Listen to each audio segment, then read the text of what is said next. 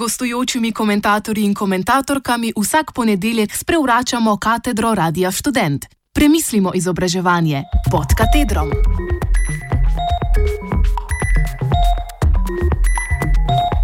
Izhod za zvis.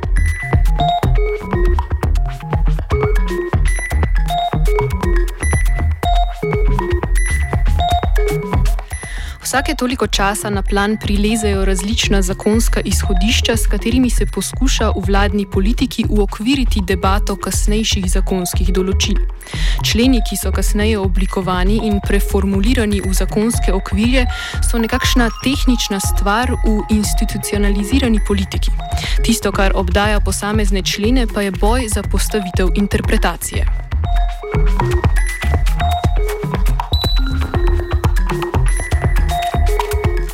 No, 1. marca sta z Ministrstva za izobraževanje, znanost in šport prileteli dve zakonski izhodišči. Prvo se je dotaknilo ureditve zakona o raziskovalni in razvojni dejavnosti, drugo pa zakona o visokem šolstvu, krajše ZVIS. Javna razprava za komentiranje obeh izhodišč se je končala 16. marca in je torej že sedaj na približno enomesečni diskusijski pauzi, na to pa se bo vrnila med nas.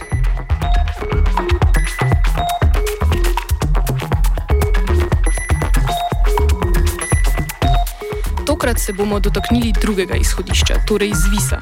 Izhodiščnih točk je kar dosti, zato se ne bomo ukvarjali z zgodovino njegovih sprememb in presojami o njegovi ustavnosti. Naj omenimo samo toliko, da je bil zakon pred kratkim noveliran, o čemer smo že poročali.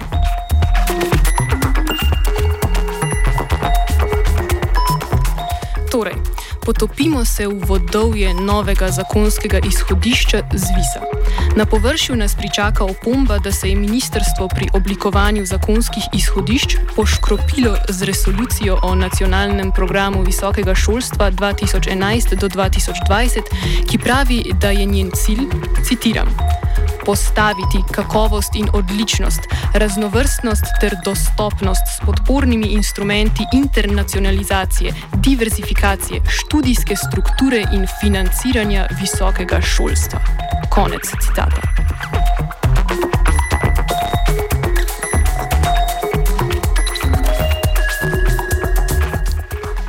Tega sledi 14 poglavitnih ciljev, s katerimi bo ministrstvo poskušalo urediti visokošolsko polje.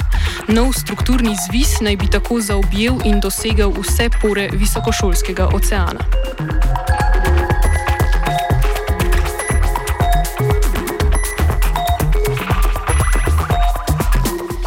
Celotnem izhodišču lahko na nekaterih mestih neposredno, na drugih pa posredno zaznavamo, da gre za poskus postavitve nekega okvira v partnerskem razmerju med državo in visokošolskimi institucijami. Seveda je to na prvi pogled očitno, saj gre za nov sistemski zakon. A kakšno je sploh to razmerje?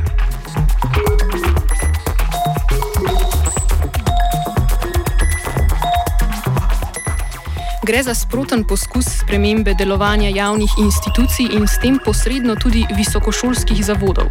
V prožnem kapitalizmu se odnos države do visokošolskih zavodov usmeri v spodbujanje samoodločitve, samoodgovornosti in individualno-institucionalne svobode, ki naj se vse pretopijo v delovanje javnih institucij. Pri tem se vzpostavi določena vloga države, ki pri upravljanju z izobraževalnimi institucijami zagotovi infrastrukturo in pravni okvir za mrežo visokošolskih zavodov, v katerem bodo spodbujane konkurenčne prednosti, državne investicije pa upravičene.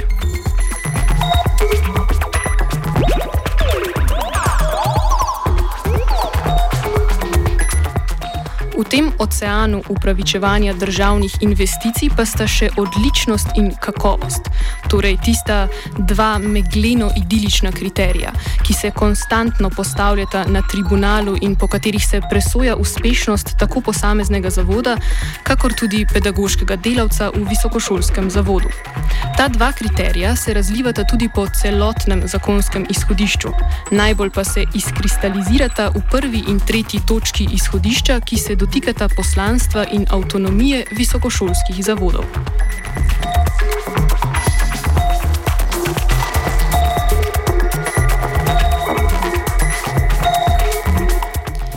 Ob raznih dikcijah, ki navajajo, da si bodo morali visokošolski zavodi zagotoviti sredstva na trgu, ker bodo s tem tudi opredeljeni kot osebe v posebnem pravnem sta statusu, je kriterij za presojanje kakovosti prenesen iz posredovanja temeljne vednosti in produciranja nove vednosti na zmožnost iskanja uporabne vednosti za zagotovitev financiranja pri svojem temeljnem delovanju.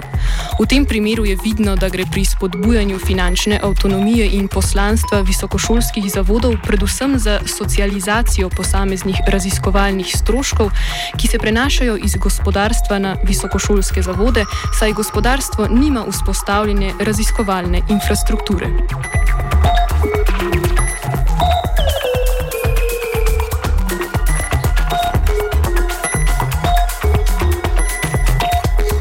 Pri spodbujanju avtonomije visokošolskih zavodov pa gre ta predvsem v smeri utrjevanja politične moči tistih vodstvenih funkcij znotraj zavodov, ki imajo v pravnem okvirju zagotovljeno institucionalno moč, ter v drugem primeru za utrjevanje simbolne moči tistega, ki to mesto začasno zaseda.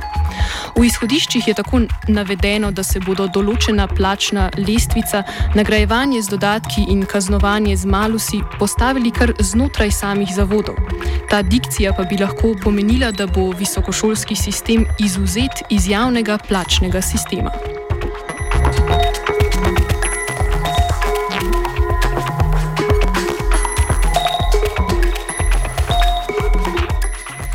Prav tako pa to omogoča večje notranje menedžersko manevriranje in kaznovanje tistih pedagoških delavcev, ki bodo opozarjali na problematike visokošolskega zavoda. Omogoča se nekakšen dušilni sistem notranjega sankcioniranja. Kot zadnje naj omenimo še, da se v izhodišču pojavi namera o združitvi raziskovalnega in pedagoškega dela, ki ga opravljajo pedagoški delavci. S takšno namero se ob še eni nejasni dikciji, ki ni definirana kot zaposlitev za nedoločen čas, ampak delo za nedoločen čas, ustvarja brbotanje, ki poskuša povečati obseg dela pedagoških delavcem oziroma pedagoškim delavcem, določeno s pogodbenim dogovorom o zaposlitvi in obsegu dela. No, da nejasnosti definiranja javne službe sploh ne omenjamo.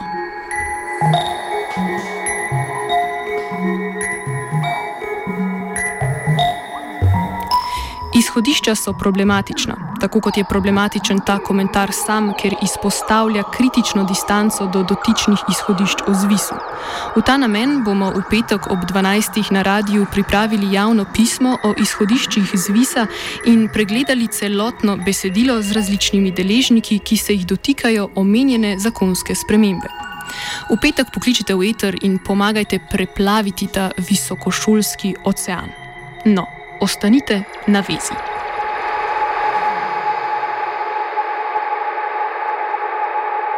Komentiral Amadej Kraljevič.